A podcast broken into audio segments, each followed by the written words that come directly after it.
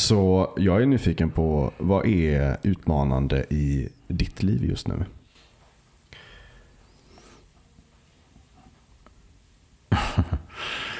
Eh, överhuvudtaget menar du?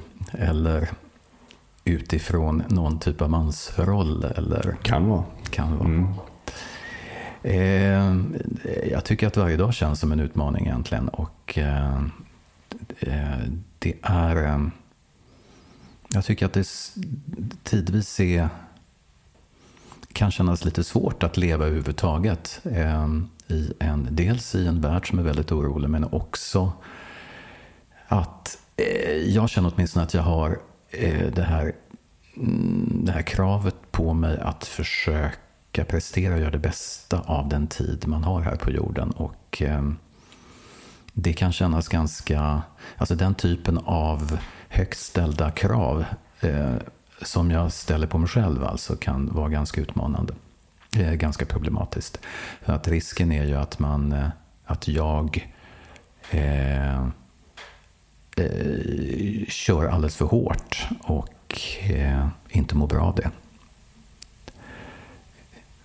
För att det eh, överhuvudtaget så, eh, nej men det har säkert att göra med eh, med uh, vetskapen om att ens tid är utmätt. Nu här blir det här väldigt sorgligt och väldigt pessimistiskt kanske.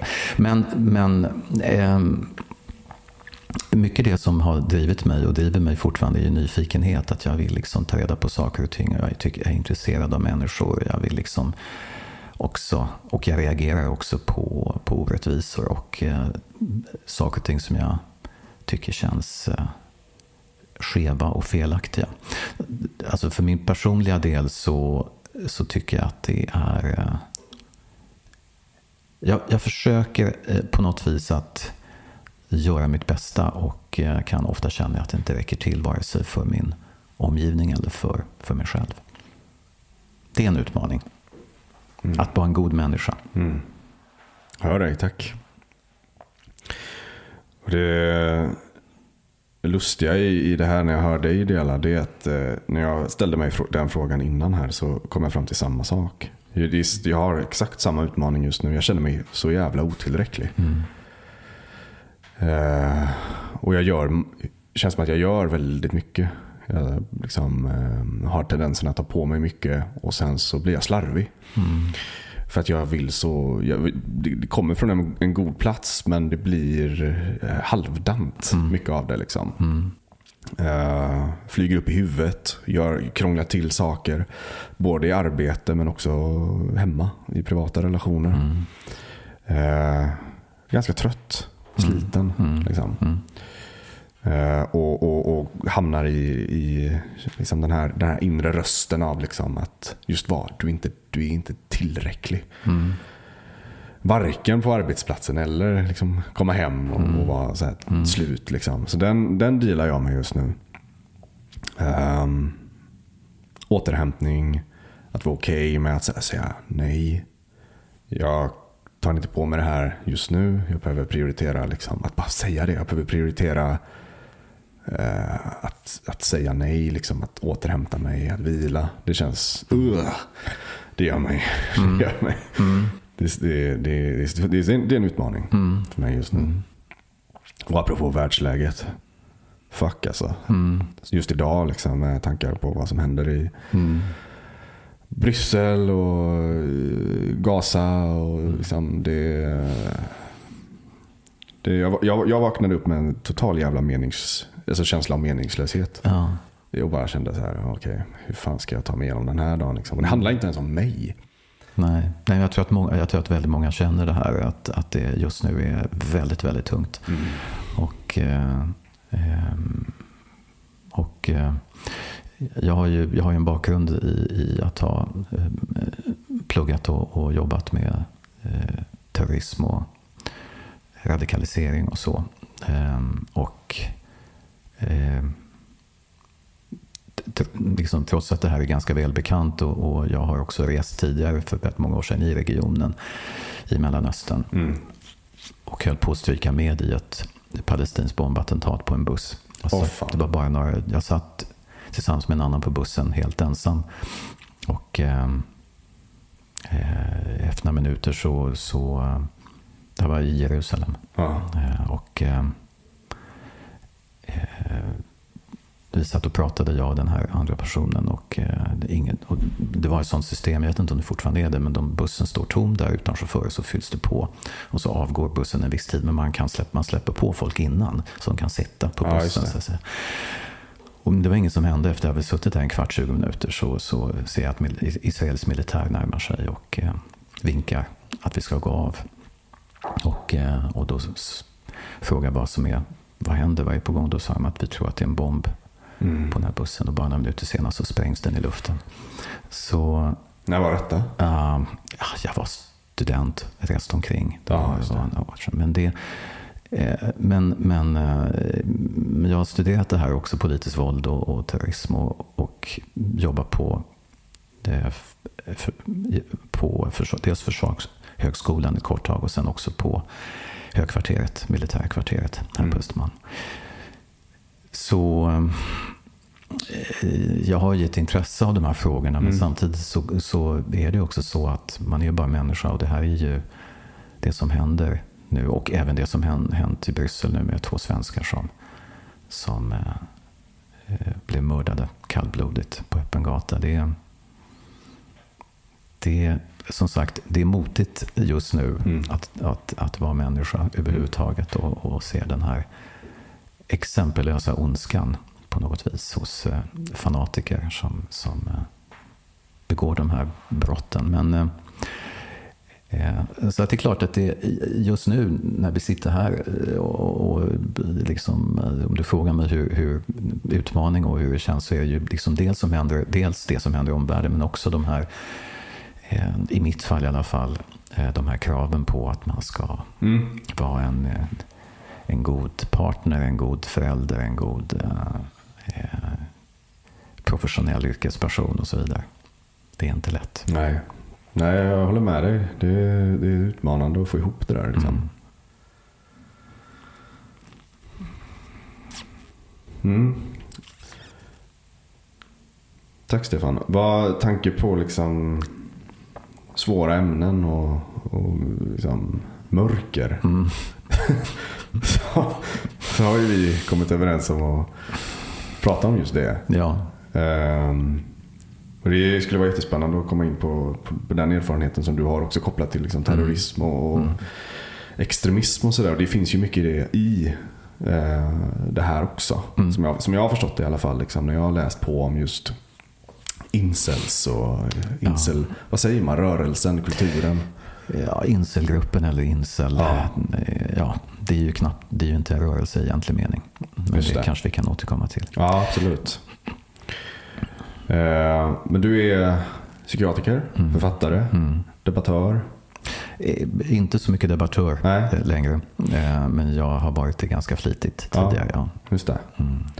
Och man kan säga framförallt uppmärksammad för att just pratat och skrivit om incel-gruppen. Mm. Med den här boken Incel ofrivilligt celibat och en mans roll i kris. Ja. Så heter den va? Precis. Från 2021. Ja. Hur, eh, hur kom du in på det? Men liksom, att, att liksom vilja skriva en bok om incels och, och, att intressera sig för just det ämnet. Var kommer det ifrån? Jag tror att upprinnelsen var ju lite grann som jag nämnde att jag har en bakgrund i just det här, den våldsamma delen. Och eh, jag hade ju ganska lite eh, kunskap, precis som alla andra, eh, om incels och vad det innebär. Och, eh, för mig var det när jag jobbade, för jag, när jag inte skriver och, och andra projekt så jobbar jag kliniskt på den akuta delen av eh, slutenvårdsdelen av psykiatrin sjukhus. Eh, alltså jag varvar liksom eh, och gör det. Eh, det här var för ett antal år sedan när jag pratade med en, en patient som hade lagts in över natten på en akut intagningsavdelning. Och, eh, den här unga killen var eh, han hade, han hade eh, sökt för sömnproblem. Det var egentligen ingenting eh, allvarligt rent psykiatriskt. Men när jag pratade med honom dagen efter så eh, hade han idéer och ganska långt gångna planer på att, eh, eh att begå handlingar som, som eh, hade kunnat sluta väldigt illa. Eh, han hade högerextrema idéer och eh, det, to, det tonade fram en bild sakta men säkert när jag pratade med honom eh, som, där det allt tydde på att han var en, en så kallad incel.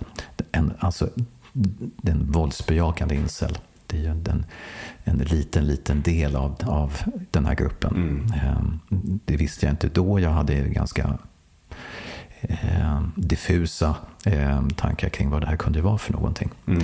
Men i och, med att, i och med att jag hade intresserat mig för politiskt våld och, och terrorism tidigare så började jag gräva i det här lite grann. Det väckte min nyfikenhet mm. med honom.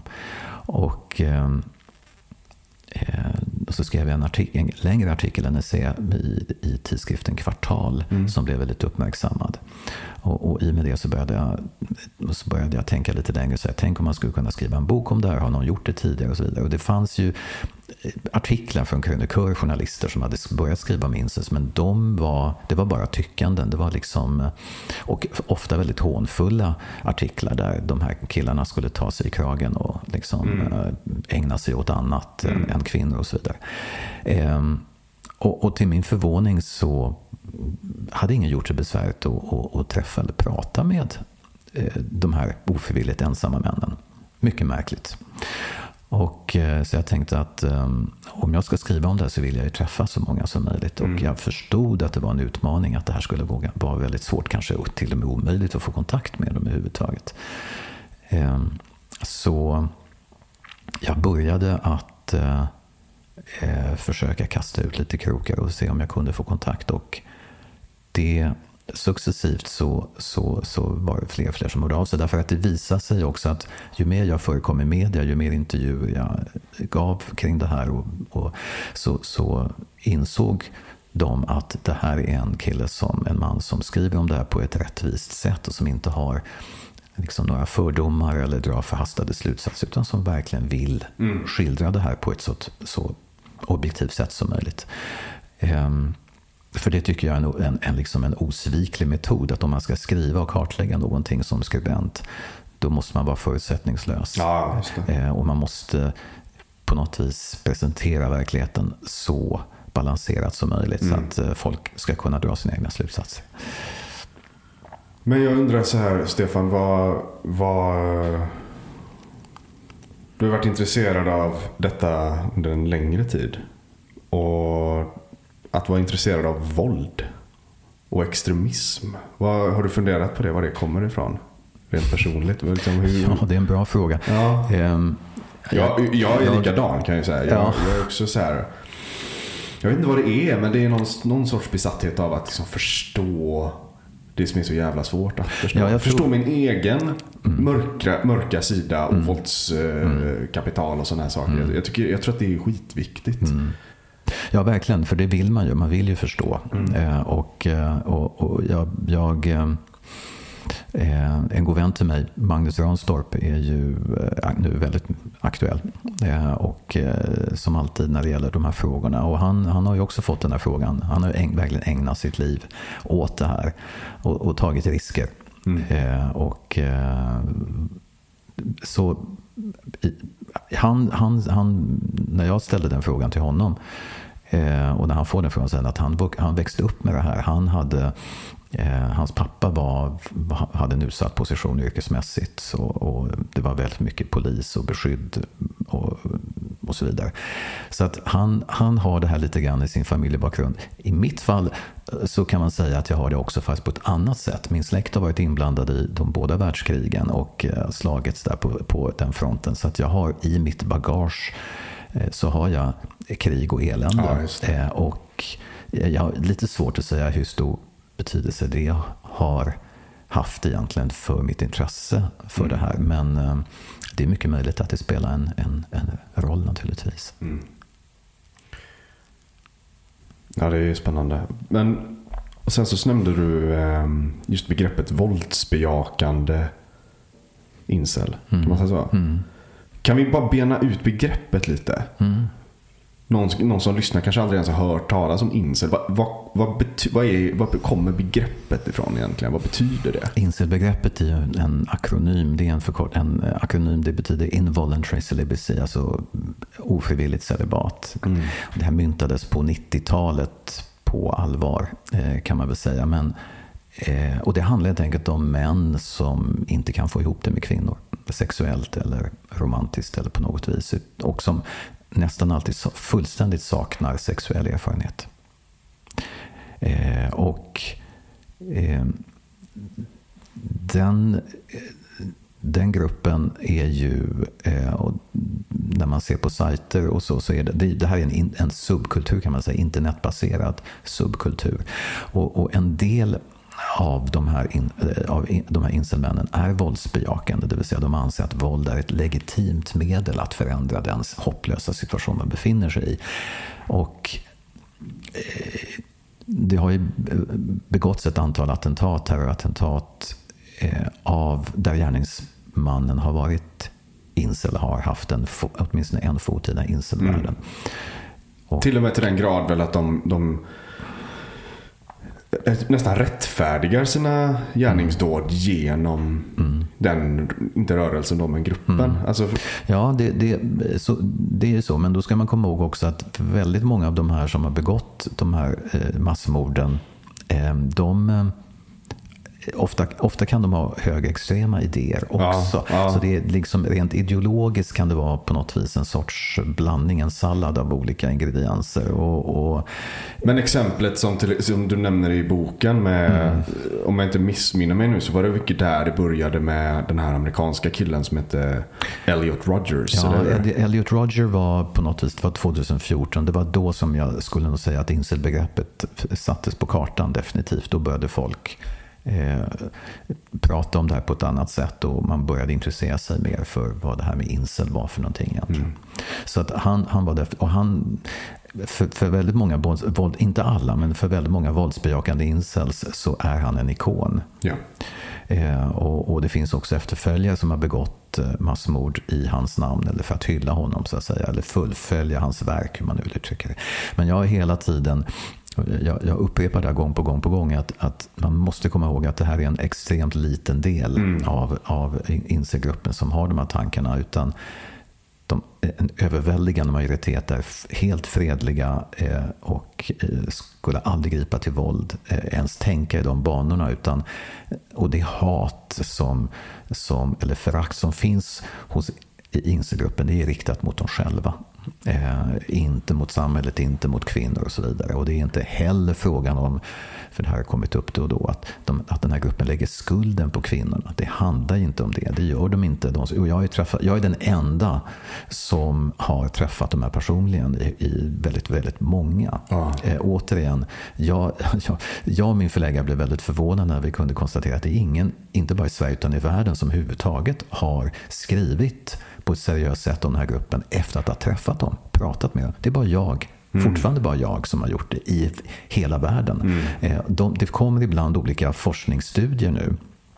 Men de baserar sig på enkäter till in, medlemmar på incel-sajter. Det är alltså internet. Mm. Och då är det ju massa fallgropar på en gång naturligtvis i detta. Ja. Men det är de, land, de slutsatser de här landar i, de, de här forskningsprojekten, de landar i exakt samma slutsatser som jag har kommit till. Men jag har ju en empirisk erfarenhet. Jag har ju, en, jag har ju pratat och fortfarande har kontakt med väldigt många. Ja, eh, hundratals, åter hundratals. Ja. Så, och då får man en väldigt, väldigt bra, då får man ett helt annat grepp om vad det här är för personer överhuvudtaget. Och, och, och i den erfarenheten av att ha suttit och pratat med de här killarna, männen, så vad, med dina egna ord, hur definierar du en incel som då inte är våldsbejakande utan mer generellt den här stora majoriteten av de här. De är ganska unga va, generellt? Ja, de, de är alltid från 17, 18, 19 upp till 50. Ah, okay, eh, okay. Så det är ju ett spann och, och det här är långt ifrån en heterogen en, en homogen grupp, förlåt. Ah, okay. Det är en heterogen grupp. Det är okay. olika utbildningsbakgrund, olika social bakgrund. Ah. De, vissa jobbar, vissa pluggar, vissa har inget jobb alls. Och, och sen ska man också komma ihåg att det finns olika etniska et, etnicitet också. Den varierar också. Jag, menar, jag brukar ofta nämna att i Indien och Kina så är det 70 miljoner män. Ett mansöverskott på 70 miljoner och de flesta av dem kommer aldrig hitta någon partner. Och de skulle säkert inte veta vad incel är för någonting, men de är de facto det. Just det. 70 miljoner bara i Indien och Kina. Och, och ett mansöverskott ah, eh, i ett land, det, det, är alltid en dålig idé i den här åldersgruppen, yngre ja. åldersgrupperna. Därför att det, det bäddar ofta för eh, gängkriminalitet, det bäddar för extre, politisk extremism och eh, inte minst sexuella övergrepp mot kvinnor. Så eh, det här är ett utbrett problem. Och det som jag det som slog mig när jag började göra research och bara gräva det här mer och mer, det är ju att det här är ett samhällsproblem. Därför att det vi talar om här egentligen, det är en ensamhetsproblematik. Jag tror att man måste lyfta blicken lite grann och inte tro att det här är några kufar på, på, på marginalen ungefär som har konstiga idéer och som hänger på nätet hela tiden. Mm. Utan det handlar ju om ett problem eh, när det gäller ofrivillig manlig ensamhet. Eh, och en situation där vi ser sjunkande skolresultat för pojkar i skolan. Just det.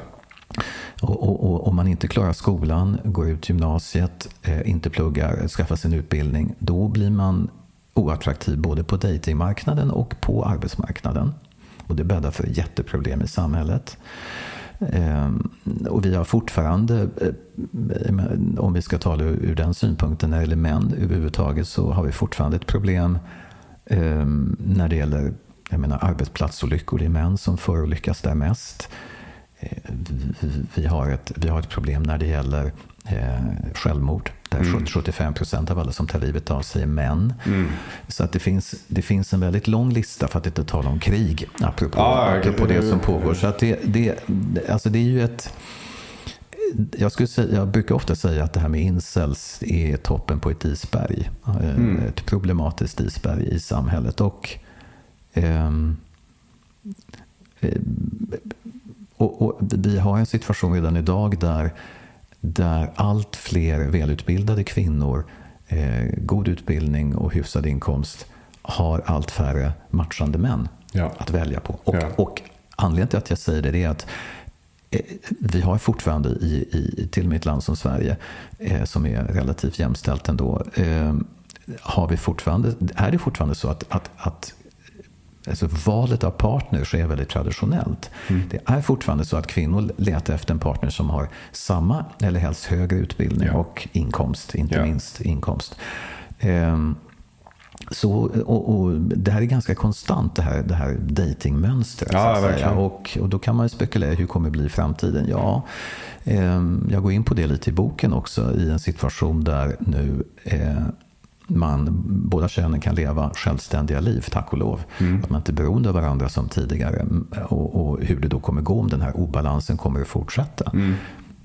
Um, så, och, och, kvinnor kan också um, och gör det i väldigt hög utsträckning, skaffa barn utan att en man är inblandad. Ja, precis. Assisterad exakt. befruktning. Och den senaste siffran som jag nämnde i boken som jag såg var att ungefär 45 procent av alla kvinnor som står i kö för assisterad befruktning är ensamstående. Ja. Så, så det är den situation vi har. Så, ja. Ja. Och hur fan hamnar vi där? Ja. Men, men det du kan och har läst och liksom så studerat. Vad, vad, den här liksom mansrollen i kris. Va, hur, va, hur går dina tankar kring det? Vart börjar det? Va, hur, hur hamnade vi i ett sånt läge? Ja, svårt att svara på egentligen hur det har blivit så här. Men, men eh,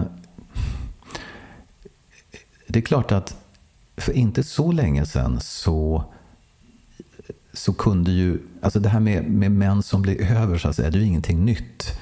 Så har det ju alltid varit. Det var det att förr i tiden så var det på något vis mannen som hade övertaget. Han kunde, alltså granngårdens eh, kvinna, kunde, grannpojken kunde erbjuda eh, ekonomisk trygghet och, och, materiell trygghet. Att, eh, liksom de, de äktenskap som ingicks då på den tiden var på något vis under helt andra förutsättningar.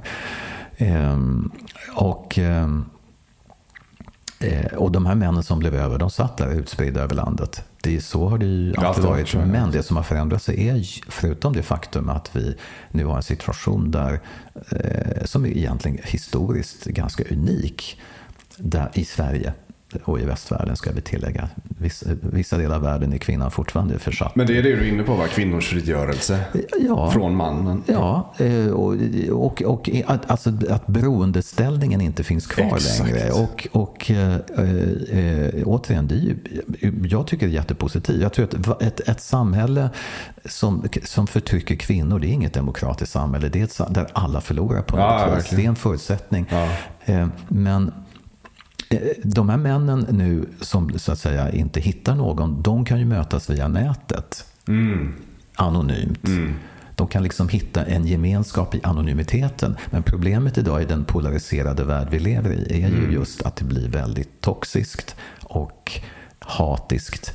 Eh, och, och jag, just när jag skrev den här boken, jag, jag jobbade ju på två sätt.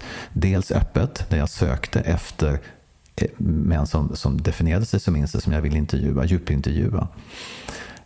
Och, men eftersom jag ville komma de här våldsbejakande så nära som möjligt så jobbade jag undercover. Jag antog en falsk identitet och blev medlem på en, en stor incel-sajt. Och var det i ett och ett halvt, nästan två år. Och levde ett, sorts dubbelliv det. eh, som tärde ganska rejält. Eh, Ja. För det, det är väldigt toxiskt, det är väldigt rasistiskt och det är väldigt misogynt. Eh, Och, och, och, eh, men jag knöt kontakter och jag fick liksom en insyn i, som medlem i, i hur, hur, hur, hur det hela, hur snacket går. Men ehm, det...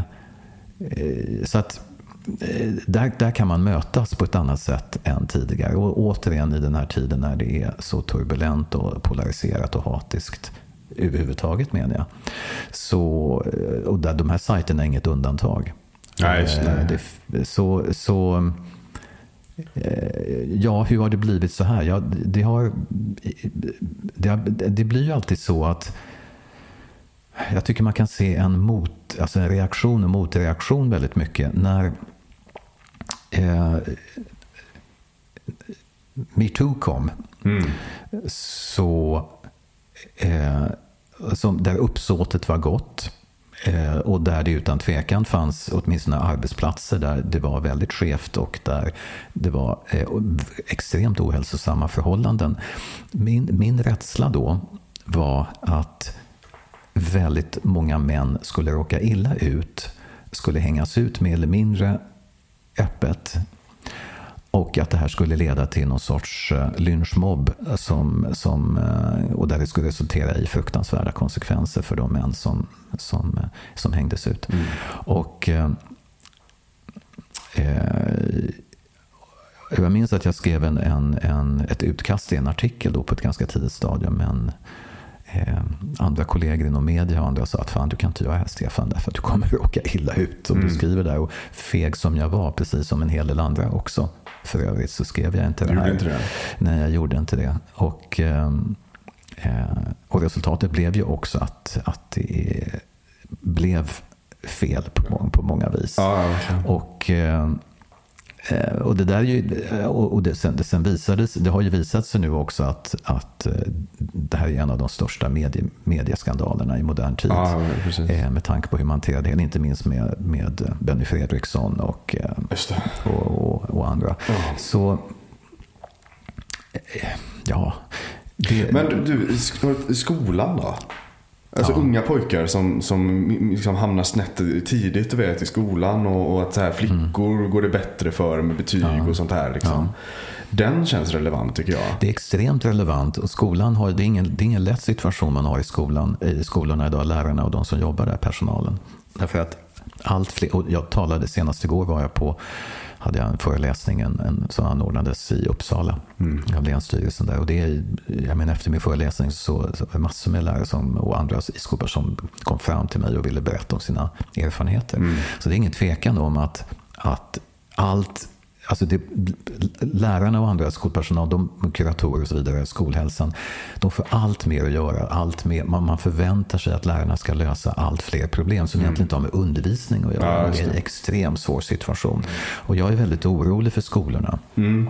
Eh, och eh, där, dels naturligtvis på grund av det som vi har nämnt tidigare, med sjunkande skolresultaten för pojkar.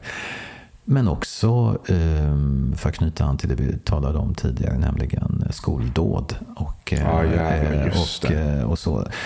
Jag, eh, jag höll en föreläsning för Säpo och fick frågan i, slut, efter, i slutet av föreläsningen vad jag var orolig för, för i framtiden. Och då pekade jag ut skolorna som en, som en plats där jag var väldigt orolig för att någonting skulle hända. Och en kort tid efter det, efter denna föreläsning, så inträffade det här i Malmö där två kvinnliga oh, lärare högst ihjäl.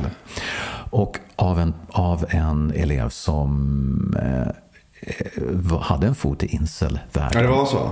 Ja, det var mer än så. Han gjorde, ett, han gjorde alltså ett specialarbete, alltså hans gymnasiearbete, eh, där han som källa bland annat angav min bok. Eh, mm. Så, så eh, det är klart att Skolan har en väldigt viktig uppgift och det är att fånga upp de här killarna som man ser inte ja. riktigt Liksom, de faller utanför gemenskapen. De, eh, de, de är ganska ensamma och, och, och, kanske har svårt med kontakter. Svårt, svårt med, med de här sociala koderna och svårt att förhålla sig till omgivningen. Eh, så att skolan är extremt viktig eh, på det viset. Men då måste man ju också ge stöd till skolan. De har inte haft det här stödet. Jag tycker att de har lämnats i sticket. Och samarbetet mellan skola, socialtjänst och polis har fungerat ganska dåligt också. Nu börjar man bli mer uppmärksam på det här, mm. tycker jag. Men det är en bra bit kvar. Jag har tänkt jättemycket. Vi har också pratat om det här just i podden. Skola, lärare, elev och, och, och liksom relationen där till att ha en äldre man. Mm. Jag tror den är oerhört viktig för mm. liksom, unga killar att ha den här liksom, äldre mm. visa mannen framför sig. Mentorn, mm. mm. fadersgestalten. Mm. Där känns det också som att det är en jävla brist på idag. Alltså. Mm. Många som är förvirrade, vilsna.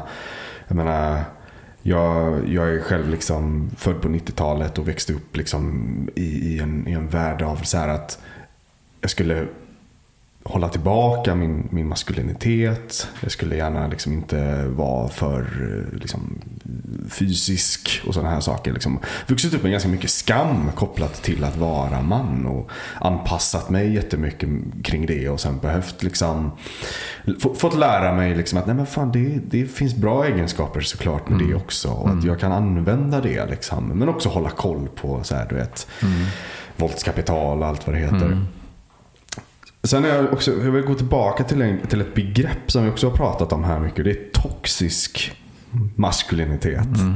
Vad, du sa just toxisk och det blev jag jävligt nyfiken på. Så här, vad, vad händer i dig när du hör det begreppet? Så ska jag berätta vad som händer i mig sen. Har du eh, reflekterat över det? Jag, jag, spontant ogillar jag ju begreppet. Jag med. det är därför jag tar upp det. Ehm, därför att det and, alltså de sammanhang, där, när jag använder to toxis, ordet toxis ja, så menar jag atmosfären på eh, incelsajter där det är radikala idéer, där det är hat och rasism. Ja, det, det, kallar jag för toxis. Ursäkta. När det är toxisk maskulinitet så, så eh, tycker jag att man jag har en känsla av, inte mer, det är mer än en känsla, jag tycker att man de som använder det är eh, företrädesvis, eh, tycker jag, vissa kvinnliga debattörer och krönikörer som i tid och otid vill, vill, vill liksom slå männen, alltså belägga männen med en kollektiv skuld och som slår dem i skallen med det uttrycket. Mm. Jag tycker att det är missbrukat. Mm. Eh, och jag skrev för några månader sedan i DN, det var i februari, så skrev jag på kultursidan eh, en artikel där jag eh, manade till sans. Där jag tyckte att eh, männen har blivit ett villebråd, att det är liksom jaktsäsong på män. Och jag angav väldigt konkret många exempel på där just kvinnliga, vissa kvinnliga journalister har skrivit om det. Allt ifrån att männen inte kan hitta klitoris till att man hånar män som är förkylda, där man hånar män som rakar, som börjar bli tunnhåriga, som rakar av sig håret. Ah. Och där man, eh, alltså det, det, det, det är en sån här, en, en, ett förakt och ett manshat som har blivit, enligt min åsikt, normaliserat. Ja.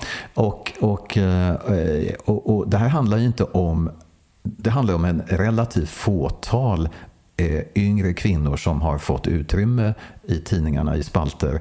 Eh, så att till, till, till, numerären är de inte speciellt många, men de har ju en impact. Det finns ju liksom en, det blir konsekvenser. Och när jag skrev det här så, så sa jag att, att, att eh, om, man, om, man gör, om man gör det här konsekvent, oavsett vilket ämne det än gäller, så landar man alltid på att man ska ge en smocka till mannen.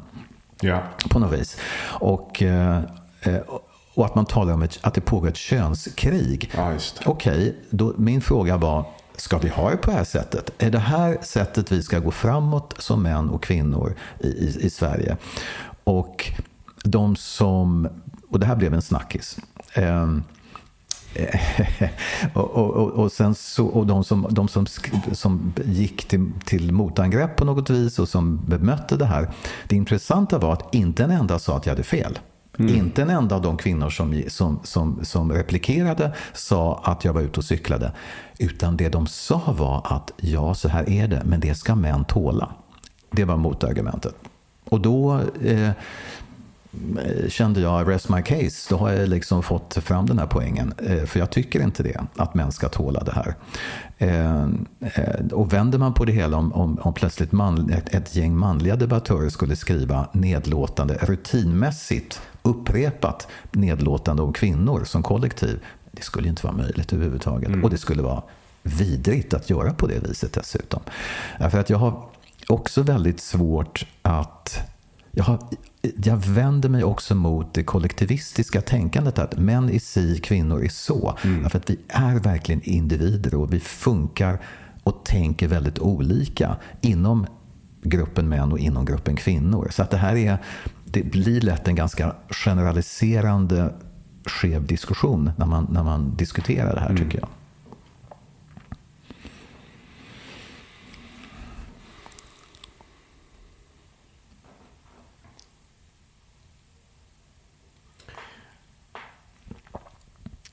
Det som gör mig förbannad, apropå just det begreppet toxisk femininitet. To ja, nu sa jag det. Nu vänder jag på det. Toxisk femininitet, vilket jag är övertygad om att det också finns. Det finns också. Exakt. Mm. Och det, det är klart det gör det. Ja, det är klart det gör. Mm. Um, men oavsett, alltså just att, att, kalla, jag förstår vad du menar att det, det kan vara en toxisk eh, plats eller miljö. Sådär. Men att, att gå runt och kalla att, att en person är toxisk, eh, jag, tror inte det, jag tror inte det leder till någonting. Nej. Um, jag håller med dig om den här bilden av att det finns liksom ett, ett kollektivt skuldbeläggande, skambeläggande till och med. Mm. Och jag tror bara att det gör saker ännu värre. Um, jag tycker det är oerhört viktigt och det förstår jag att det tror jag att du håller med om att det liksom behöver pratas om ansvaret som vi män behöver ta. Mm. Och liksom läxa upp varandra och få varandra liksom att fatta att det är dags att växa upp nu. Mm från pojkar till män. Ehm, men för att göra det så tror inte jag att det handlar om att gå runt och skuldbelägga och skamma. Utan du behöver vända på det. Mm. Få den här snubben att fatta att han har liksom någonting att komma med. Positiva egenskaper liksom för att kunna bidra till ett, till ett bättre samhälle, till en mm. bättre värld. Mm. Sen kan man börja snacka om liksom, eh, ansvar att ta liksom, och skärpa till sig. Men du behöver, liksom, att bara gå runt och säga att du är fel. Jag tror inte det leder till någonting. Mm. Men bara för att slå knut på mig själv där och liksom apropå liksom så här, det, ju, det, finns en paradox där. För jag har också tänkt mycket på det här med, alltså just, just när jag liksom har läst om och lyssnat på män då som kallar sig incels och så här. Det, det, det är sånt, det är sånt Alltså det för mig är det, det låter ju som att det kommer från ett sånt offerperspektiv. Där det bara pratas om vad de har för rättigheter. Men ingenstans så pratar de om vad de har för skyldigheter. Och den tycker jag är liksom eh, det var intressant att, att förstå deras perspektiv utifrån liksom, vad är det som får dem ens att tro att, du har, att, det, är, att det är en rättighet att få knulla.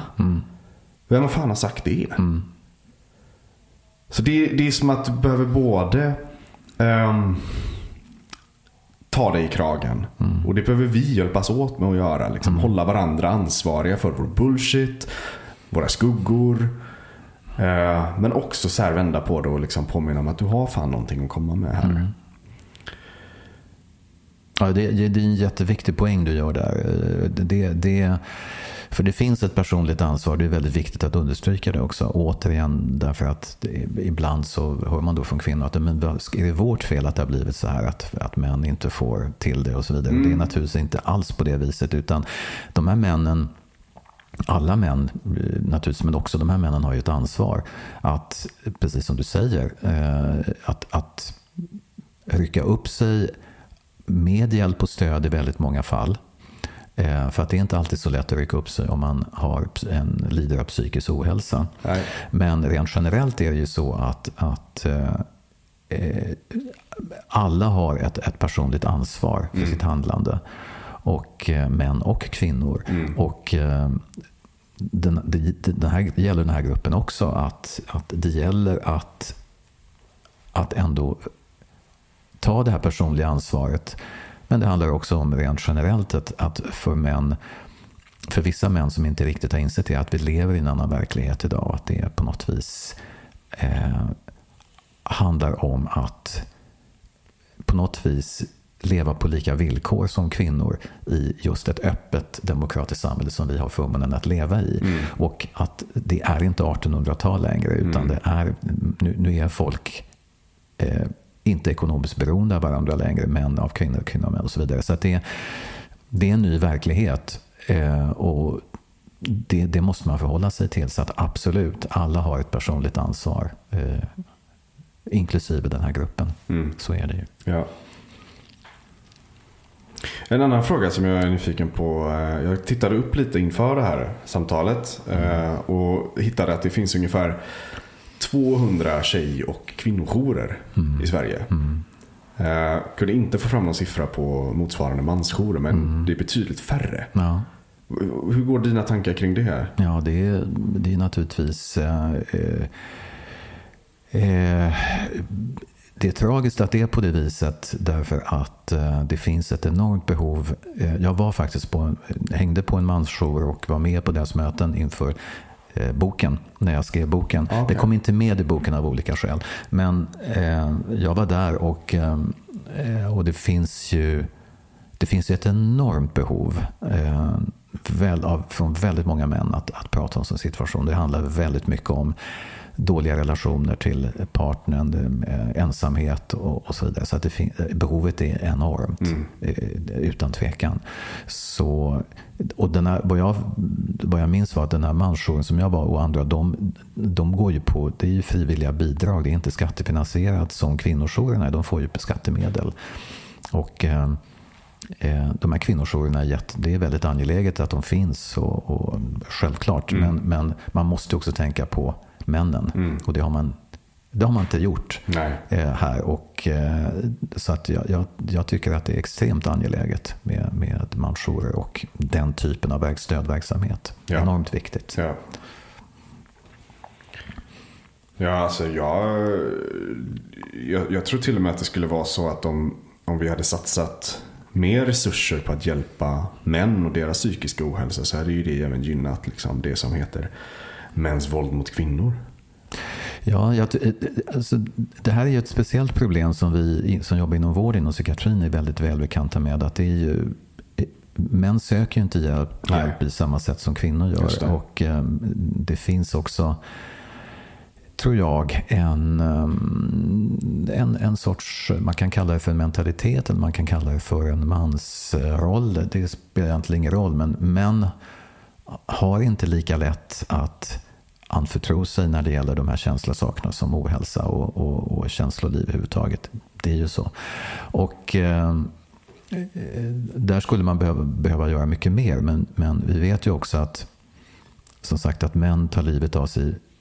Majoriteten av de som tar livet av sig är män och att eh, ofta lyckas de tyvärr eh, efter bara ett eller två försök eller väldigt få självmordsförsök. Medan ja, kvinnor har fler självmordsförsök bakom sig. Ja. Eh, och där det ofta kan vara fråga om kanske om eh, markering eller, ja. eller manifestation ja, att man mår dåligt. Så ja, säga, och kanske inte en helhjärtad önskan om att försvinna helt enkelt, att ta livet av sig. Så att det här, här finns det ett, ett, ett viktigt område att, att gå in och, och, och stötta männen, absolut. Har du själv haft eh, svårt för, för det i ditt liv att be om hjälp som man? Har du liksom, är det någonting du har fått dela med? Um, jag... Um, alltså jag är van vid att i, i stunder när jag har haft det svårt i livet att eh, inte be om hjälp och eh, att ta hand om det själv. Jag räcker upp handen här. Men alltså det, Studiotekniken också. det, men det, det, alltså det... Ja, fuck alltså. Det, ja, det, men det, jag tror att det kan vara lite olika orsaker till det. Återigen, ja, alltså jag är ensambarn. Jag är son till flyktingar. Mm. Och eh, alltså, det handlar väldigt mycket om att eh, jag hade inte, vad ska jag säga, hur det här låter konstigt, men jag, jag hade inte vunnit någonting på att anförtro, sig, att anförtro mig till min pappa eller mina föräldrar. Det enda det hade kunnat leda till är att de hade blivit extremt oroliga och, eh, och inte vetat vad de skulle hitta på eller göra på något vis. Alltså, eh, det, de kom från ett annat land, en annan liksom, visserligen grannland, Polen, men det, Polen var ett liksom, strikt katolskt samhälle där man eh, där, där mansrollen på sätt och vis är mer hälsosam men den kan också vara ganska, ganska eh, taskig. Ja. Alltså det är både och där. Det, mm. en, en, det här skulle jag kunna prata om i extrasändning, mm. podd, poddavsnitt. Men Eh, summa summarum är, nej, jag är van att ta hand och har varit van att ta hand om mig själv i svåra stunder och jag har på något vis tänkt att det här måste jag reda ut själv. Eh, det ger mig ingenting att, när det gäller, eller när det gäller vänner. Eh, det, det och jag tycker inte att det är rätt metod. Det är inte det jag säger. Det är bara alltså så jag har eh, så jag funkat. Jag skulle nog i dagens läge kanske ha närmare till att, eh, att söka hjälp om jag skulle behöva det. Men eh,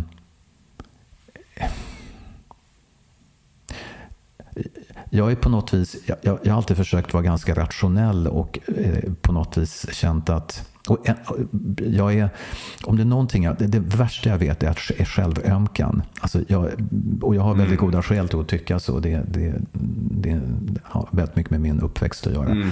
Självömkan är, jag, jag, jag, tycker det är det värsta som finns. Mm. När jag finner mig själv i den situationen så känner jag, men sluta nu. Ja. Det här är verkligen, det, det leder, för jag är väldigt resultatinriktad. Jag vill veta, hur tar jag mig ur det här? Vad, mm. vad är mina options? Hur kan jag gå vidare på något mm. sätt? Så jag försöker tänka på det viset, men jag är dålig på att be om hjälp. Däremot är jag väldigt mån om att försöka hjälpa vänner och okända. Det gör jag hela tiden. Eh, så mycket som jag bara kan. Därför att för mig är det jätteviktigt. Det är liksom bland det viktigaste vi kan göra i livet. Att hjälpa andra och vara till för andra. Det är verkligen så. Eh, men för egen del är jag ganska dålig på att be om hjälp idag. Tyvärr. Jag känner igen mig. Men en grej som vi har börjat göra i teamet här. Mm. Det är någonting som vi kallar för fishbowl. Uh, så varje morgon så, så skriver jag eller berättar för teamet vad det är jag har att göra under dagen. Ja. Men så skriver jag också hur jag kan möjligen fucka upp det. För då blir jag både liksom eh, påmind om vad det finns för eventuella risker och hur jag skulle kunna, liksom, alltså rent personligt, du vet, i, i min egen så här bristfällighet. Att så här, här skulle det kunna bli att jag, typ, typ i det här samtalet, mm. fegar ur eller mm. förminskar mig själv. Liksom. Mm. Och då vet jag det. Och jag har också möjlighet att få liksom bli, bli stöttad eller utmanad i det. Um, för mig har det hjälpt oerhört mycket att just jobba med att äga mina fuck-ups. I en kontext bland andra stabila, trygga män som mm. det. Mm. Och som inte liksom går in och börjar skuldbelägga eller skambelägga utan så skiljer på mig, personen, mannen och vad, vad jag har för liksom åtagande framför mm. mig. Mm. Och att så fort jag fuckar upp, liksom, kliva fram, äga det, se vad det är som gör att jag hur det, hur det blev så liksom. Mm. Och kunna rätta till det. Mm. Alltså det har varit otroligt eh, hjälpfullt. Mm. Att, att, att liksom våga visa de delarna av mig själv. För jag känner mig så väl i det här liksom att när det väl gäller. När jag väl behöver. Så, så, så har jag liksom, det sitter kvar i ryggraden än idag. Liksom, att jag har tendensen att backa undan, gömmer mig.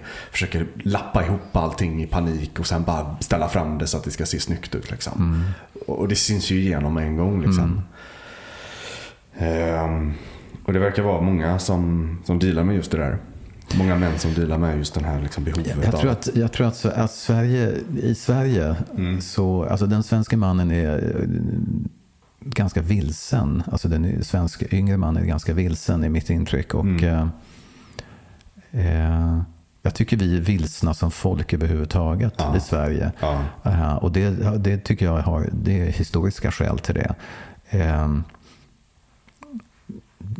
vi har levt i fred i 200 år mm. och det, den här så kallade svenska naiviteten är i realitet. Det är verkligen på det viset och det spiller också över tror jag på mansrollen ganska mycket. Mm.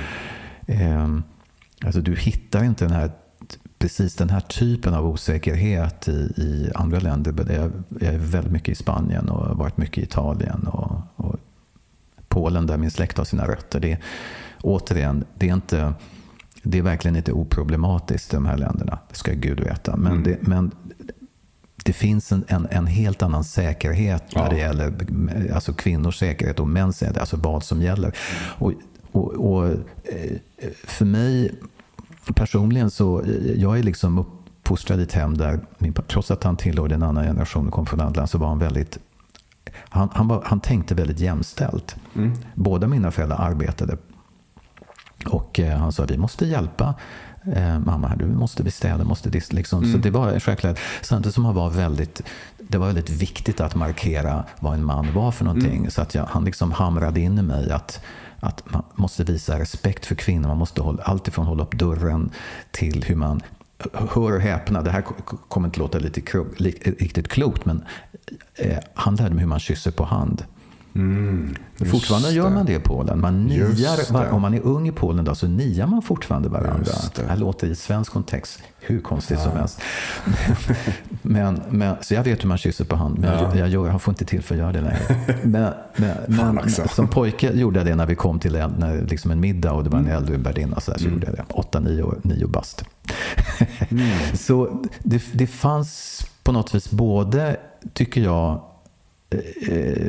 för övrigt var det, var det ju problematiskt med min pappa, men det är en annan historia. Men, men just på den, på den här punkten så var han väldigt vettig. Ja. Och, eh, herregud, han var ju liksom, han ju varit med i kriget. Och, ifrågasätta honom som man, det gick ju bara nej, inte. Det var ju, come on. Är det, pappa, är det pappa som har varit den liksom manliga förebilden eller har du haft fler nej, manliga förebilder? Nej, jag kan inte säga att han var en... Nej. Jo, han, fel. Han var på många vis har han varit en förebild. Jag beundrade honom för hans mod. Mm. Men på annat vis, på andra sätt så var det precis tvärtom. Att han verkligen inte var en förebild. Det här är en lång historia och komplicerad, väldigt sårig. Mm. Men eh, det är både och. Men jag kan inte säga att jag har haft någon, någon manlig förebild egentligen. Jag har varit, I min roll som man har jag personligen varit väldigt säker. Mm. Jag, för jag har ofta, få, jag ofta fått frågan där med incels, kan du identifiera någonting hos dig själv? Kan det varit något sånt där? Ja, Men jag kan verkligen ärligt säga att jag jag har, det har liksom aldrig varit ett problem. Men jag är också van, dels hemifrån som jag nämnde. Det har liksom aldrig varit någon, någon manschauvinism eller någon konstigheter där, tvärtom. Eh, men också i mitt jobb när jag jobbade då heltid inom, eh, som, som läkare. Så att, jag menar, väldigt många av mina chefer har varit kvinnor. Jag har inte ens reflekterat över om de är kvinnor eller män som chefer. Det är liksom aldrig varit något... Jag, lite, jag, jag har inte tänkt på det överhuvudtaget. Och när det gäller förhållanden och relationer så, så har det liksom eh, inte heller varit några eh, det har inte liksom varit några problem på det viset. Jag har känt mig väldigt säker och det har varit, jag har inte tillhört den där som har uppvaktat och jagat. Jag har alltid tyckt att det var lite tramsigt. Jag har mm. liksom aldrig kunnat finna mig den rollen utan det har funkat ändå. På något vis. Man vet om någon är intresserad och då tar man några steg framåt. Så att för mig personligen så har det här aldrig varit ett problem. Men jag kan ju naturligtvis se eh, på olika vis att det finns en enorm vilsenhet idag mm. eh, och sen några år tillbaka. Jag tror att väldigt mycket av det har att göra med att, att man är ganska vilsen i Sverige överhuvudtaget. Eh, jag tycker det. Vi, vi, vet liksom inte vilken fot vi ska stå på. Hur ska vi handskas med det? Vi är undfallande. Vi, det är väldigt mycket ängslan, väldigt mycket oro. Ja, eh, svårt att fatta tuffa beslut och så vidare. Ja. Rent generellt tycker jag. Och det där spiller ju över också på, på männen och mans... Alltså efter metoo tror jag att det har också blivit väldigt många vittnesmål som har berättat för mig. Men ja, de, de, är jätterädda. De ja, vet inte hur, hur de ska göra. Och vågar man gå på en dejt? Vågar man liksom eh, tillbringa natten hos mm. en tjej? Bli, kommer man bli anklagad? För, Exakt. Alltså det, man är skiträdd. Ja, och, och, eh, så det är ingen lätt situation. Nej, verkligen inte. Verkligen inte. Du, får jag ställa en utmanande fråga då? Om du skulle be om hjälp med någonting, vad skulle det vara?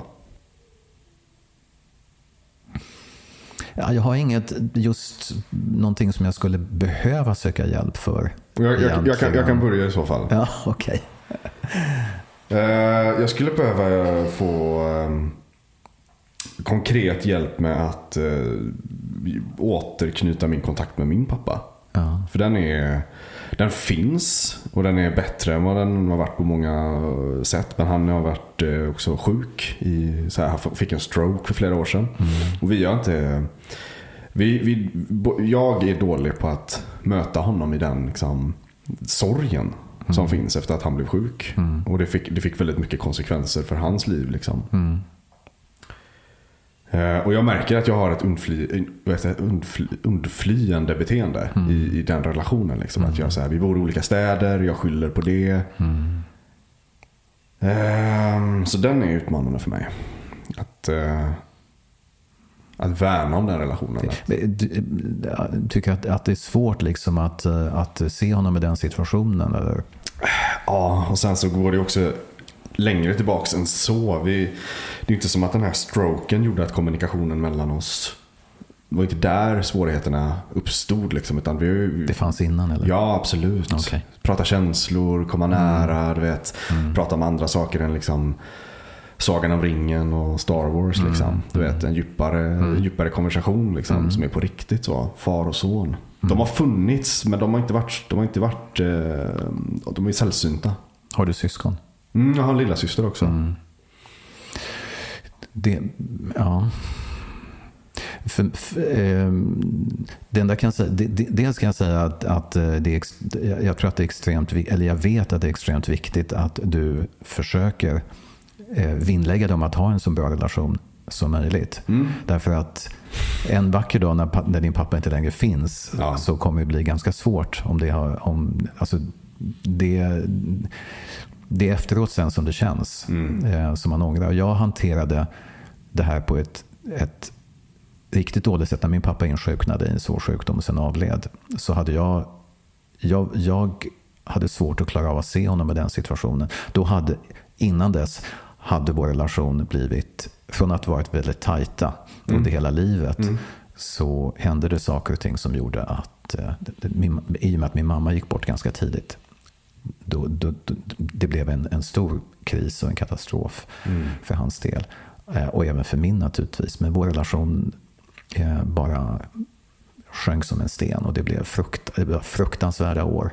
Eh, och sen när han insjuknade så, så kunde, hade jag väldigt svårt att hantera det. Mm. Och det kommer jag få leva med resten av mitt liv. Det var väldigt svårt. Så jag kan känna igen den här liksom tafattheten och den här, det här motståndet mot att liksom ringa eller ta kontakt och sådär. i, I mitt fall var det väldigt traumatiskt. För att mm. det var enormt mycket anklagelser och, och förebråelser eh, och så från min pappas sida. När jag tog kontakt och sådär och försökte ändå. Men, eh, men, men hade jag kunnat vrida klockan tillbaka så hade jag ju definitivt hanterat det här på ett annat sätt än vad jag gjorde. Så eh, mitt svar är till dig att, att eh, det råd jag kan ge är att även om det tar emot och även om det känns tufft så gör ditt absolut bästa för, för du ska leva med det här sen resten mm. av ditt liv. Och så, så det är jätteviktigt. Det, så är det. Mm. Ja, den känns... Och i mitt fall var jag dessutom enda barnet så att allt, faller, allt ansvar faller på, på mig. Ja, just det. det är ju så. Just det. Ja, tack. Kommer tillbaka till dig då. Har, finns det någonting som du skulle behöva be om hjälp med? Nej, inte direkt. Det, det, det, det kan jag säga. Men det, det är klart att eh, det, jag tror att jag, precis som många andra, även om det inte är sånt där eh, jag tror att man skulle må bra av att ha någon coach eller någon eh, terapeut eller någon att, bolla med, och prata med. Mm. Eh, och det har liksom ingen betydelse att jag själv råkar, råkar vara eh, specialist i psykiatri och sådär. Man är ju bara människa. Så mm. det är ju, jag tror att väldigt många har ett behov av det. Men, eh, och det gäller säkert mig också. Men det är inte så att jag just nu skulle befinna mig i någon kris eller någon situation där jag skulle behöva den typen av hjälp, tack och lov. Men det mm. kan säkert komma. Ja, de gör ju det titt som tätt, de ja. kriserna. Liksom. Ja, visst är det så. Um, om du skulle så här, säga tre saker, tre verktyg, lite åt det hållet. Till de som lyssnar, de unga män som, som lyssnar på det här. Vad skulle du liksom, hur, gammal är, hur gammal är du idag? 69. 69? Mm. Så du har ju ändå en hel del livserfarenhet. Liksom. Mm. Både som man och mm. i ditt yrke. Mm. Uh, jag tänker liksom tillbaka till den här liksom relationen mellan den yngre och äldre generationen. Hur viktig den är. Mm. Liksom. Åt båda håll tror jag. Det är viktigt att både värna om den vi kallar det för elders. Mm. I, där, där, där, vi jobbar med de här frågorna. Liksom. Uh, vi vet inte riktigt vad ett bra svenskt ord är för det. Liksom. Mm. Men uh, att ha elders i communityt. Liksom, att, mm. uh, att, att poängtera hur viktiga hur viktig du är liksom, för mig då. Som mm. är, jag är 30. Mm. Liksom. Uh, men också, uh, också tvärtom. Så att vi behöver varandra. Mm. Så har du några, har du, vad har du för verktyg själv att dela med dig av liksom, till unga män som kanske känner sig förvirrade, som letar efter en riktning eller mening eller mindre ensamhet? Vad det kan vara. Vad brukar du liksom, vad har du lärt dig som du skulle vilja dela med dig av? Utifrån min egen erfarenhet och, och så, så, tycker jag att det, alltså det är extremt viktigt att man, eh, att man eh, fattar egna beslut om sitt liv. Eh, oavsett om det gäller yrke, alltså utbildning, jobb, partner överhuvudtaget. Att man inte ger efter för omvärldens förväntningar och tryck. Nu talar jag av egen erfarenhet. Eh, att man liksom följer sin inre röst. Att man verkligen eh, inte ska vara rädd att söka nya vägar, eller de vägar man vill och eh, inte kompromissa på den punkten. Sen är det också viktigt att man, man har det här verktyget med sig, att man kan, man kan fylla sitt liv med den mening som man själv vill. Därför att det finns inget, alltså det bästa svaret på frågan vad är meningen med livet är för mig, det är att det är den mening man själv bygger det med. Därför att och den här typen av existentiella frågor dyker tyvärr upp inom psykiatrin. Alltså jag vet inte hur många unga människor som kommer in akut och läggs in, tyvärr kan jag säga, läggs in på en avdelning därför att de har inte vet vad meningen med livet är, hur de ska bygga upp sitt liv. Och det värsta man kan göra är att man klämmer dit en diagnos och lägger in dem på en psykiatrisk mm. avdelning. Mm. Då har man åtminstone indirekt bekräftat att de, att de har psykiska besvär. Och det handlar ju inte om det. Det handlar ju om att man har fullt normala funderingar. Ja, till och med mörka tankar, till och med självmordstankar. Det är okej, okay. mm. det kan man ha. Mm. Men, men det är ju viktigt att man inser att man har en, man har en makt över sitt eget liv. Mm. Och ytterligare en sak som jag tycker är viktig, det är att man ska, som vi var inne på lite tidigare, att man, man måste man måste ha, man måste, man, man har inte de referenser i Sverige som väldigt många andra har. Vi har inte upplevt krig. Vi har inte, vi, alltså när folk talar att livet suger och det är en katastrof och så vidare. Då kan jag ofta fråga, på vilket sätt då? Mm. I jämförelse med vad då? Mm. Det pågår ett krig inte långt ifrån oss där folk dör, eh, sitter i skyddsrum mm. och, och, och knappt överlever måste finnas lite sans och reson. Det måste liksom finnas någon typ av referens här. Eh, utan att förminska det lidande som enskild person har. Mm. Absolut. Mm. Men, men jag tror att det är viktigt att man också inser att, och det har jag gjort för länge sedan, det bär jag med mig, att, att eh, så länge man är frisk och har hälsan och kan göra saker och ting för sig själv och för andra då, då, då är det okej. Okay. Då kommer allt annat att ordna sig. Jag, jag, det är viktigt därför att har man det här, det här perspektivet mm. på något vis i en svensk kontext, och det har vi tyvärr allt för mycket, ja men då känns allt som en börda på något vis. Men det är inte på det viset. Så att jag försöker vara lite, ingjuta lite optimism, trots mm. allt. Mm. Det, det, och det handlar väldigt mycket om att uppskatta det man har omkring sig.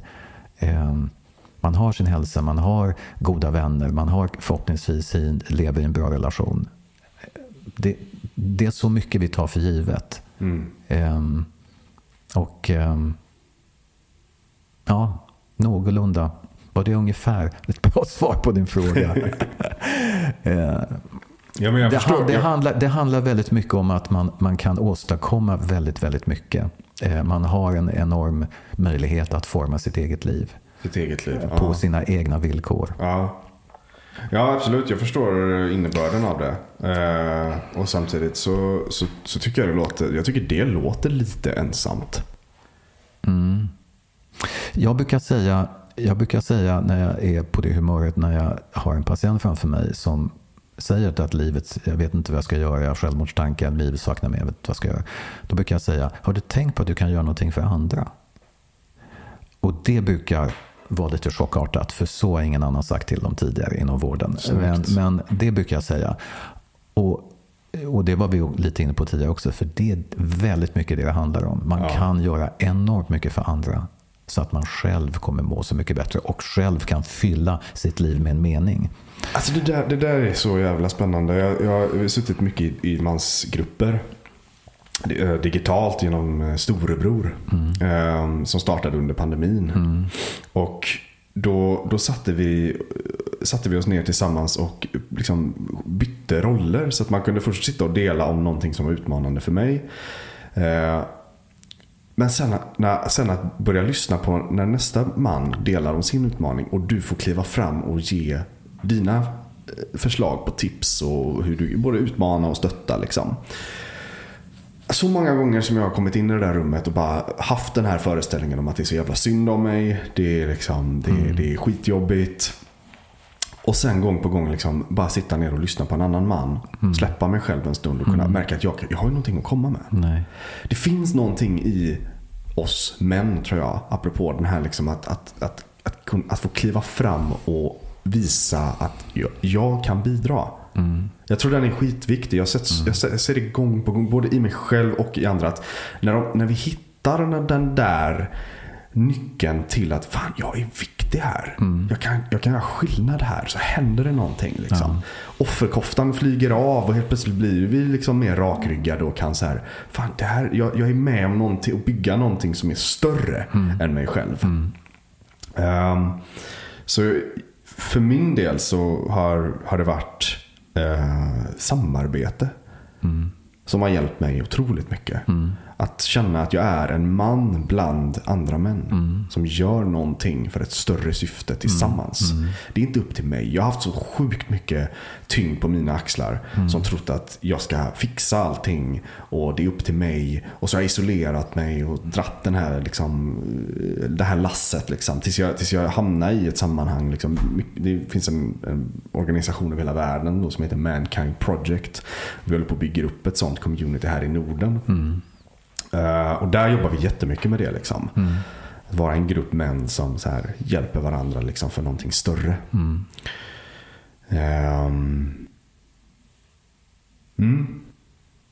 Jag tror att jag är övertygad om att det är jätteviktigt att eh, det som ni gör, att, eh, att det finns sådana här stödgrupper, att det finns en möjlighet Mm. eh, för män att eh, hitta stöd och Har, du, hjälp. har du gjort något sånt själv? Har du suttit i mansgrupper? Eller liksom? Nej, bara det här som jag nämnde för boken, att jag var Du med i den typen av ja, fast jag, mansgrupp, då, ja. var, då var jag på något vis, då spelade de öppna, eller vi spelade med öppna kort. Den som ledde gruppen, eller som Ja. var föreståndare, sa att ja, men nu, Stefan här, han, han, han är här i egenskap av Ja. författare och, och, och sådär. Men, Ja. men ja. Ja, men du, ska, du, du, skulle vara, du är varmt välkommen. Eh, det, det kallas eh, Mankind Project Nordic. Mm. Eh, vi kör ett vi kör sån här, liksom det, det är som ledarskapsträning för män. Liksom, att lära sig att växa upp. Och vi kör, vi har en i november. Mm. Så det, du är varmt välkommen ifall Tack. du känner för det. Tack. Jag tänker så här. Eh, att vi har fått in lite frågor från eh, lyssnare. Mm. Så det har varit jättespännande att dra några av dem också. Mm. Ehm, och då kan vi Då kan, kan jag förhålla mig lite mer till att bara så här ställa dem och så kan vi köra lite snabbare tempo. Mm. Hinna med så många som möjligt. Ehm, jag tänkte börja med de som har kommit från kvinnor. Ja, intressant. Ja. Eh, Så första frågan är så här. Tycker de, alltså incelmän då förmodar jag, tycker de att de och andra män har rätt till sex? Och därav rätt till en annan person? Mm. ja, det är en vanlig fråga från kvinnor. Ja, det kändes som att det var därifrån. Eh, ja, nej. Eh, Jag kan säga på en gång att nej, om vi talar om de jag har träffat, alla de män som jag har träffat, eh, så är det inte en enda som, eh, som säger att de har rätt till det. Tvärtom, de flesta säger att, för de har ju så extremt låg självkänsla och dålig självförtroende, så att det, ofta det de säger till mig, det är att jag förstår att ingen kvinna vill ha mig som jag ser ut. Därför att det finns en enorm utseendefixering i den här gruppen.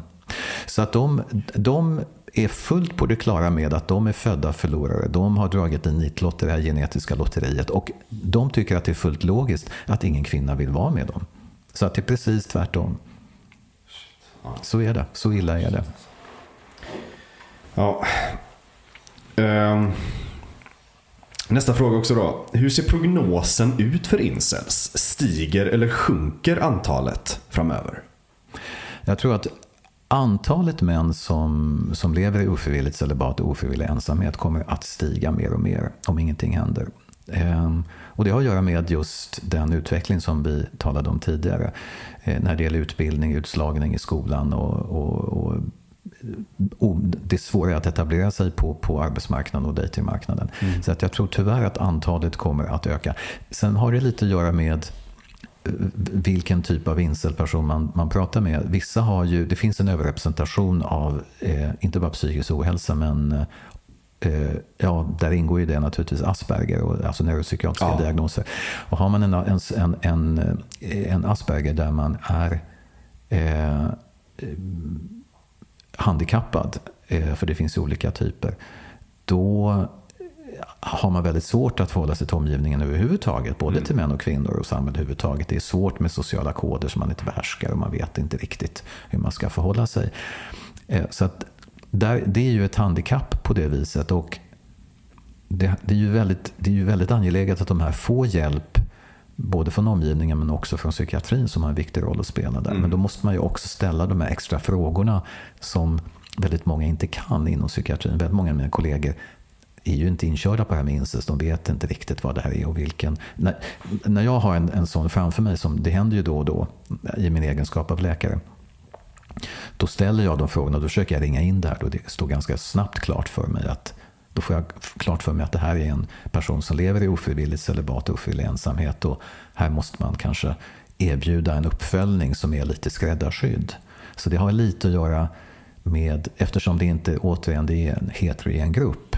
Så att vissa enstaka eh, incels som jag har haft kontakt med, där har de lyckats bryta det hela genom att faktiskt hitta en tjej och, och få ett ökat, i och med det ett ökat självförtroende. Eh, så att där har det gått åt rätt håll. Men för vissa, för de flesta, så, så tror jag att det ser ganska mörkt ut tyvärr. Mm. Tredje och sista frågan från just en, en av våra kvinnliga lyssnare här. Förekommer organiserade fysiska träffar bland incels? Ja, nej. Det är också en, en fråga som dyker upp då. Nej, det gör inte det. Eh, och, eh, de, och, svar, och, det svar man får, för det här dyk, kan dyka upp ibland enstaka gånger på incel-sajter. Eh, och då, då brukar reaktionen ofta bli “What's the point?” det, Vi kommer fortfarande vara lika ensamma, i, i, även om vi träffas så skulle inte det ge någonting. Det är en enorm uppgivenhet mm. och, eh, och eh, pessimism, mm. Eh, tyvärr. Mm. Och man är van vid, alltså när jag träffar, när jag träffar de här personerna, så, och, och jag vid något tillfälle ganska nyligen faktiskt, eh, träffade en, en incel eh, som, och så pratade vi lite och säger, ja har, ni, har du har du några vänner? Ja, jag har kompisar, jag gör det, vi har gjort det, vi har gjort det. Och så sitter han och berättar om det och så efter så plötsligt slår det mig, men vänta, har du träffat de här? Nej, nej, jag har aldrig träffat dem, det är via nätet. Ja. Så att de, de pratar om, om kompisar och vänner som om det var, liksom, ja, men vi fikade igår, eller vi åt middag i förrgår. Mm. Så att det, det, det är internetbaserat. Mm. De vänskap, den vänskap som finns är internetbaserat. Så att, eh, nej, det där är inte aktuellt för dem, mm. tyvärr. Mm. Okej, vi går vidare med resterande frågor här. Mm. Om incel är ett manligt uttryck av självhat, hur ser den kvinnliga motsvarigheten ut och varför tar det manliga uttrycket av självhat formen incel? Alltså ett, ett, svar på det är att den finns även på den kvinnliga sidan. Det finns alltså kvinnliga incel-sajter också. Och det finns, eh, eh, och den, eh, det klimat som finns på, på kvinnliga incel-sajter är ganska snarlikt det som finns på manliga. Men jag skulle nog säga att eh, eh, steget till våldsamhet och till liksom ett, våld, ett våldsbejakande är inte lika starkt där. Men känslan av övergivenhet, känslan av att vara för ful för att få hitta någon, mm. eh, känslan av att ha valt fel förälder så att säga, genetiskt. Den finns på samma vis och även eh, det nedsättande omdömet om snygga män är precis densamma på en kvinnlig incel som på en manlig. Just det.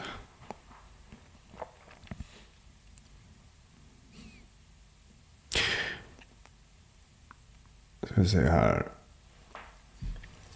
Om du måste ge några mycket förenklade åtgärder för att råda bot på incelkultur, vad skulle det vara?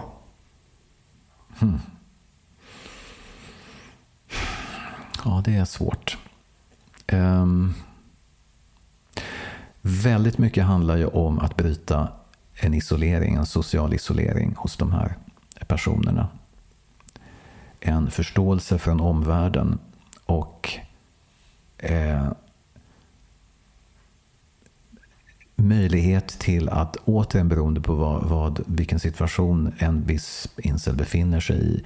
Men det handlar väldigt mycket om att bryta en social isolering och att förändra en skev självbild som man har. Jag duger ingenting till, jag är ointressant, jag har inte tillräckligt hög status och framförallt är jag så ful så att jag inte kan få någon tjej. Eh, det handlar om att bryta eh, ett, ett destruktivt tänkande, eh, en konstig verklighetsbild både av samhället i stort men också hur kvinnor tänker. Att kvinnor bara går efter utseende hos män. En snygg man kan komma undan med precis vad som helst. Ehm, så att det, det, det, de åtgärder som krävs det är ju just att, att, att försöka bryta den här destruktiva självbilden och den isolering som de här människorna lever i. Det, det är nog bland de viktigaste åtgärderna skulle jag säga. Ja. Varför ska jag lita på vad du har att säga? Är det en fråga? Mm. De är raka här. Ja. Eh, ja, varför ska man göra det? Ja, jag antar att ett, ett mitt svar då skulle bli att jag är den enda som har träffat incel i så hög omfattning och jag är den enda som kan ämnet i Sverige och skulle jag säga även globalt. För att inte låta allt för kaxig nu. Men det är på, det är på det viset. Det finns hittills ingen annan som, som har gjort det i den omfattningen. Men det är ju frivilligt att lita på mig. Eh, men däremot så tycker jag man kan lita på det som jag skriver i min bok och det, det jag redovisar. Jag har, ingen agenda, jag har liksom ingen politisk agenda och, och det är ingen partsinlaga. Utan jag jobbar inte så. Utan det här är en reportagebok. Och det jag, jag, jag skriver dem rakt av de, de svar jag har fått på de här djupa djupintervjuerna som jag har, eh, som jag har haft. Mm. Hur många män och killar är incels i Sverige idag? Det är svårt. Mm. Svårt att säga. Ehm, det kom ju en rapport från FOI, Försvarets forskningsinstitut, för ett antal år sedan där man påstod, fick eh, ganska mycket rubriker tyvärr. Tyvärr säger jag för att eh, man landade i slutsatsen att, att Sverige är det inseltätaste landet i Europa. Och eh, det, jag skriver inte under på det. Nej. Därför att det man har, och det återigen, det handlar om nätet. Man, man har tittat då på internettrafiken på incelsajter och man har då man liksom, den, det verktyg man använder är att man fiskar efter olika begrepp och så vidare. Men de här begreppen de ändras ju hela tiden. De, de eh, digitala identiteter som finns ändras. Det är, det är falska identiteter. Det liksom kan vara flera. Det, det, finns så många fallgropar så att det finns liksom inget belägg för Nej, det här. Det. Eh, den incelsajt som jag var, jobbade undercover i, in, på, det, den, den har ungefär 30-40 000 medlemmar. Okay. Eh, men eh, återigen, Kina-Indien har 70 miljoner, mm. ett mansöverskott på 70 miljoner som, män som inte kan hitta en partner. Så att det här är ju ett stort, stort problem, samhällsproblem. Ja. Verkligen. Och i Sverige har vi ju sedan några år tillbaka ett mansöverskott. Mm. Det har vi ju inte haft tidigare, men det, det har vi. Okej, finns det ett större hat mot kvinnor idag än tidigare? Rent generellt eller bland... Ja, det är så frågan lyder bara. Eh, ja, det tror jag. Jag tror att det finns ett större kvinnohat idag. Eh, titta på på, eh, nu försvann namnet, eh, vad heter han? som eh, bor i Rumänien och som har... Ah, Andrew Tate. Andrew Tate. Titta på Andrew Tate. Ja. Han som har miljoner anhängare. Ja. Eh, och som knappast är, gör en hemlighet av sin inställning när det gäller kvinnor. Så det är klart att, att misogynin, kvinnohatet idag är större än någonsin. Det är Mm. Absolut. Mm. Det tror jag de flesta är eniga. Och vad skulle du, bara kort, varför tror du att det är så? Var kommer det ifrån? Ehm, jag tror att det kommer från en frustration, en, en besvikelse, en ilska över sin egen eh, situation. Den sociala isoleringen, oförmågan att hitta en partner eh, och, och de, den polariserade värld vi lever i och den eh, klimatet på, på nätet och på, på sajter. Eh, det bäddar för en, ett större mer hat eh, överhuvudtaget idag. Och det kan vi se. Det är bara att gå in på Twitter och se vilket hat som förekommer oavsett liksom, mm. vad man debatterar egentligen. Mm. Så att hatet på, på nätet är ju större än någonsin. Och det, där, där är de här frågorna absolut inget undantag. Och Andrew Tate är ju verkligen ett symptom mm. i, i tiden. Mm. Väldigt mycket.